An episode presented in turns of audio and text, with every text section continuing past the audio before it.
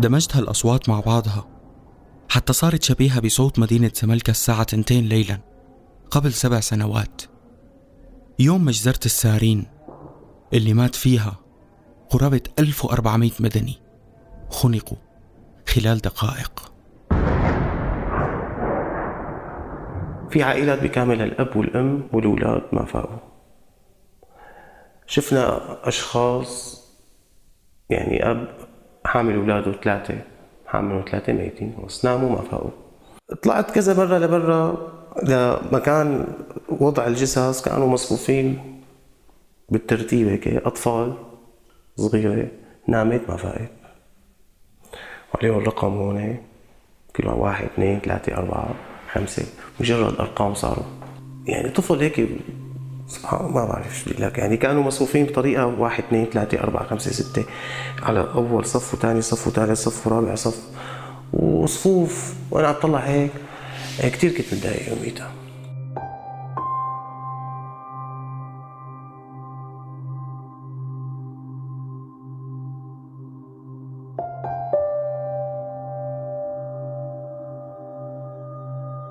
أهلا فيكم ببودكاست بين الناس.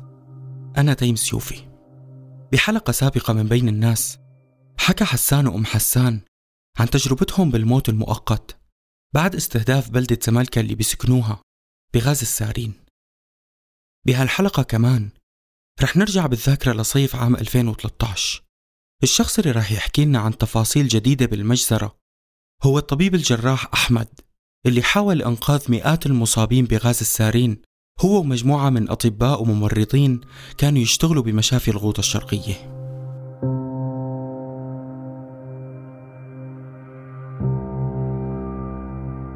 حوالي يعني الساعة واحدة واحدة ونص بالليل بلشت أسمع صوت سيارات إسعاف وضوضاء يعني جلبة كتيرة وأصوات آه، عالم كتير كان يعني لدرجة إني استغربت إنه شو اللي صاير. يعني بالعادة بتجي سيارات إسعاف بس ما بيصير فيها الضوضاء اللي صارت يوميتها ففورا يعني قمت يعني ارتديت ملابسي ونزلت مباشرة على المشفى على قسم الإسعاف. الغرفة الإسعاف يعني كان في كمان آه، في مياه على الأرض. شفت اثنين من الأشخاص ماسكين آه، خراطيم مياه وقاعدين عم يكتوا على العالم مي. أنا استغربت أول شيء لما وصلت على غرفة الإسعاف. يعني ما ببالغ. أنا سألوني قبل المرة إنه شو إحساسك بهالموضوع؟ حسيت حالي يوميتها كأنه يوم القيامة. قلت معقولة هذا يوم القيامة؟ لأنه شفت أعداد يعني كلهم غرقانين بالمي. شيء عم يختلج اختلاجات. شيء عم يصير في عنده تنفس نزعي حتى بنسميه تنفس شاين ستوكس شيء مغمى عليه. شيء عم يصرخ ويدور بين أقاربه أو هذا اللي حامل بنته هذا اللي حامل ابنه هذا اللي عم يصحي مرته. فكان بالإضافة للممرضين اللي كانوا عم يدوروا مثل مجانين بين بين المرضى. فأحد زملائي فورا خبرني إنه يبدو إنه هو كان واصل قبل مني يعني قال لي إنه النظام ضربنا بالكيماوي. فقال لي دغري خذ احتياطاتك أعطاني ماسك حطيت ماسك مشان أحمي حالي. وبلشت بالعمل. طبعا بحدود نص ساعة ضليت عم بشتغل ماني عرفان شو عم بشتغل. يعني عم بفحص مرضى. يعني لسه ما لحق أفحص مريض شوي يا إما بيكون متوفي أو إنه بده تنبيب أو بده معالجة. يعني بده معالجة جيدة. بتعرف شنو؟ مجرد ما أشوفه مباشرة ما بلاقي غير مسكني حدا اللي تعال شوف لي ابني تعال شوف لي أختي تعال شوف لي أبي. يعني عم افتل بين المرضى ما عم ألحق أنا شو هذا بدي أشوفه ولا هذا بدي أشوفه ولا هذا بدي اركز العلاج عليه. فأنا لحالي أخذت قرار وقتها إنه إذا هيك أنا خليني انظم العمل للممرضين الموجودين أحسن ما إنه ضل عم بشتغل بالطريقة العشوائية. بلشت بشكل مرتب يعني إنه شوفوا مريض مريض المريض اللي على قيد الحياة فورا صرخ لمسعفين إنه عملوا له هيك وهيك وهيك. رد انت إذا المريض متوفي خبر المسعفين جابوا معي كانوا ينقلوه على أرض كانت مجاورة لنا أرض زراعية إنه هذا شهيد حطوه هنيك.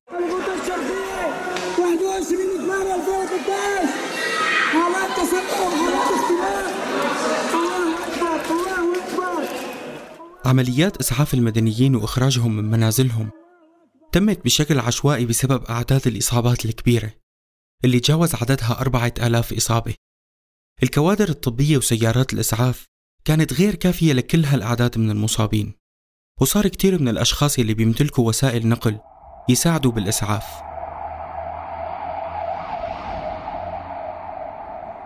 جو المدينة كان في شي شبيه بالضباب. أنا وعدد من أصدقائي كنا عم نساعد المسعفين بخلع أبواب المنازل والبحث عن المصابين. بأحد الأبنية كان في أطفال ميتين على الدرج وبأحد البيوت كان في أم عم تخيط فستان العرس الأبيض لبنتها. لكن غاز السارين كان أسرع من موعد العرس والعائلة ماتت بأكملها. أغلب الناس اللي أسعفناهم كانوا فاقدين للذاكرة بشكل كامل. أما الأطفال فكان أغلبهم ميت أو يموت قبل الوصول للنقطة الطبية أو المشفى. أول شيء نحن هاي الحرب الأسلحة الكيماوية نحن بنسميها الحرب الصامتة. يعني المريض بينام إذا تعرض للكيماوي ما بيفيق ما بيحس بشيء لا بصوت انفجارات بينام ما بيفيق في عائلات بكاملها الأب والأم والأولاد ما فاقوا. شفنا أشخاص يعني أب حامل أولاده ثلاثة حامل ثلاثة ميتين بس ناموا ما فاقوا طلعت كذا مرة لبرا لمكان وضع الجثث كانوا مصفوفين بالترتيب هيك أطفال صغيرة. نامت ما فاقت وعليهم الرقم هون كل واحد اثنين ثلاثة أربعة خمسة. مجرد أرقام صاروا. يعني طفل هيك سبحان ما بعرف شو لك. يعني كانوا مصفوفين بطريقة واحد اثنين ثلاثة أربعة خمسة ستة على أول صف وثاني صف وثالث صف ورابع صف. وصفوف وأنا عم طلع هيك كثير كنت متضايق يوميتها كانت ليلة مأساوية. وطبعا ضلينا للصبح نحن عم نشتغل. طبعا في مرضى حسنا ننقذهم. في مرضى بعثناهم على العناية المشددة. بس القسم الأعظم توفوا. هلأ الأعراض اللي إجتنا معظمها أعراض عصبية. اختلاجات معممة. آه نوع من الفوبيا كان في مرضى صاروا يشلحوا يعني ينزعوا ملابسهم. يعني في في مريضين أنا شفتهم واقفين هي نزع ملابسه صار عاري يعني مثل صار يتخبط صار عنده تخليط ذهني شديد. في الاصابات النوع الثاني الإصابات التنفسية يعني هدول أكثر شيء الاختلاجات العصبية والإصابة التنفسية. مجرد طبعا هي هذا الإصابة التنفسية ببلش تعمل قصور تنفسي حاد توقف قلب بيتوفى المريض. فكانوا يعني أنا اللي لاحظته بالأخير إنه مرضى نوعين من المرضى. يا أما إصابته خفيفة وما بتأثر بالكيماء وهدول اللي نفدوا أما اللي كانت إصابته هي فتوفوا كلهم. يعني ما كان في عندنا حالات إنه نص. معظم الحالات اللي إجت توفت وقتها. وحتى الحالات اللي عاشت بعدين في عارف عدة أشخاص وحتى في منهم ممرضين في منهم ممرضين ضلوا يعانوا فترة طويلة من أعراض عصبية ونفسية. خاصة فقدان الذاكرة يعني في واحد فقدان الذاكرة يعني شفته عن كذا عن ممرض يعني فقد ذاكرته لمدة أسبوعين تقريبا ما تذكر أبدا شو اللي صار معنا. حجم الإصابات والضحايا والشهداء من الأطفال والمدنيين كثير جدا جدا. حجم الأطفال الذين مروا بين يدينا كبير. يعني أذكر أنه الأطفال يلي مروا بين يدي فقط فقط الأطفال يعني عمت بين يدي ما يقارب الخمسين طفل كانوا شهداء في حالة شهداء.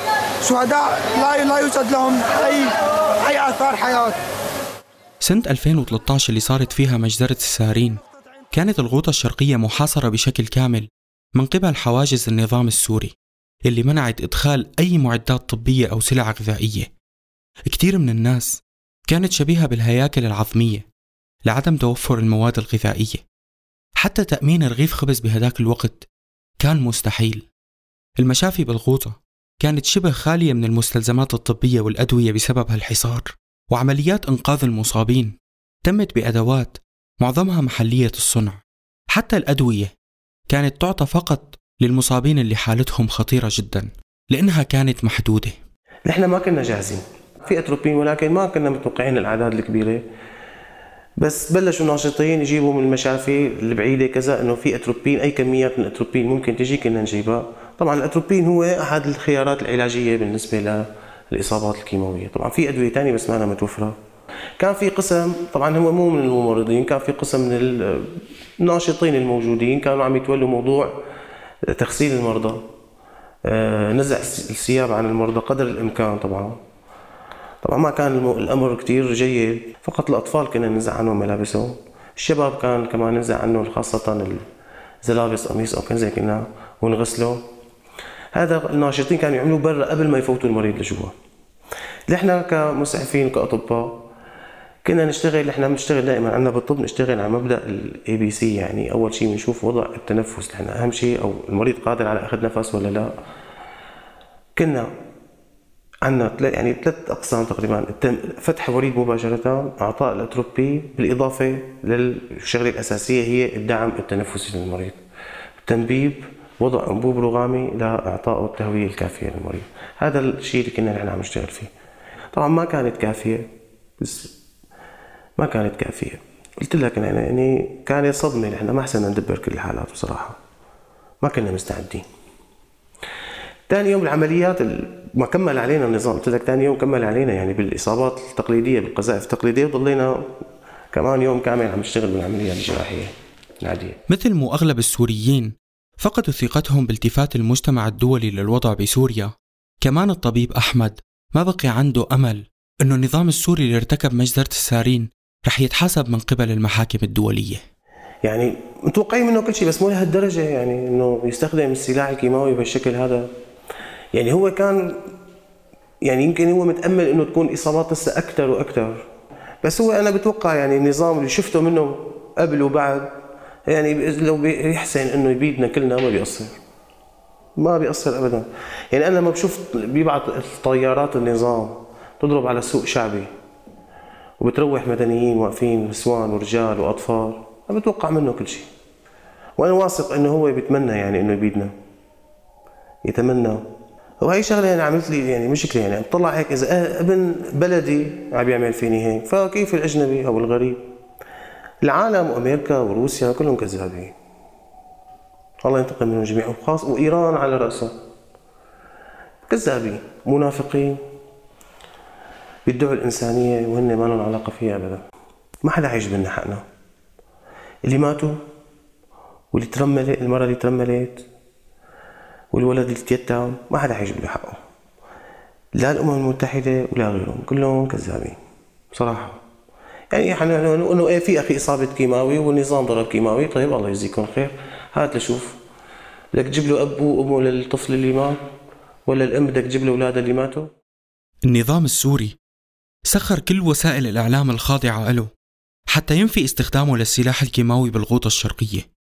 وأول رواية حكاها النظام انه فصائل المعارضه بالغوطة هي اللي ضربت السارين على مدينة زملكا ورواية تانية نفى فيها النظام امتلاكه لأي أسلحة كيميائية. ولسه لليوم وبعد سبع سنين من هالمجزرة عم يحاول النظام يحكي إنه السارين كذبة اخترعوها الثوار. من خلال المسلسلات الدرامية اللي عم تنتجها شركات الإنتاج التابعة له. احتمال يكونوا عاملين قنبلة كيماوية بس عارفين يدخنوا لأنه الكيماوي بيأثر وناس ما بيأثر عليهم. بنقي انت عم تختنقي يعني مجرد تساؤل ما حكينا شيء جيش النظام والمخابرات السورية قاموا بنبش أغلب المقابر اللي دفنت فيها جثث ضحايا مجزرة السارين وحرقوا ما تبقى من رفات الجثث لإخفاء معالم الجريمة. لكن التوثيقات المسجلة اللي قمت فيها أنا وعدد من الناشطين خلال تواجدنا بسوريا رح تبقى شاهدة على هالمجزرة وكل المجازر اللي ارتكبها النظام السوري بحق المدنيين السوريين.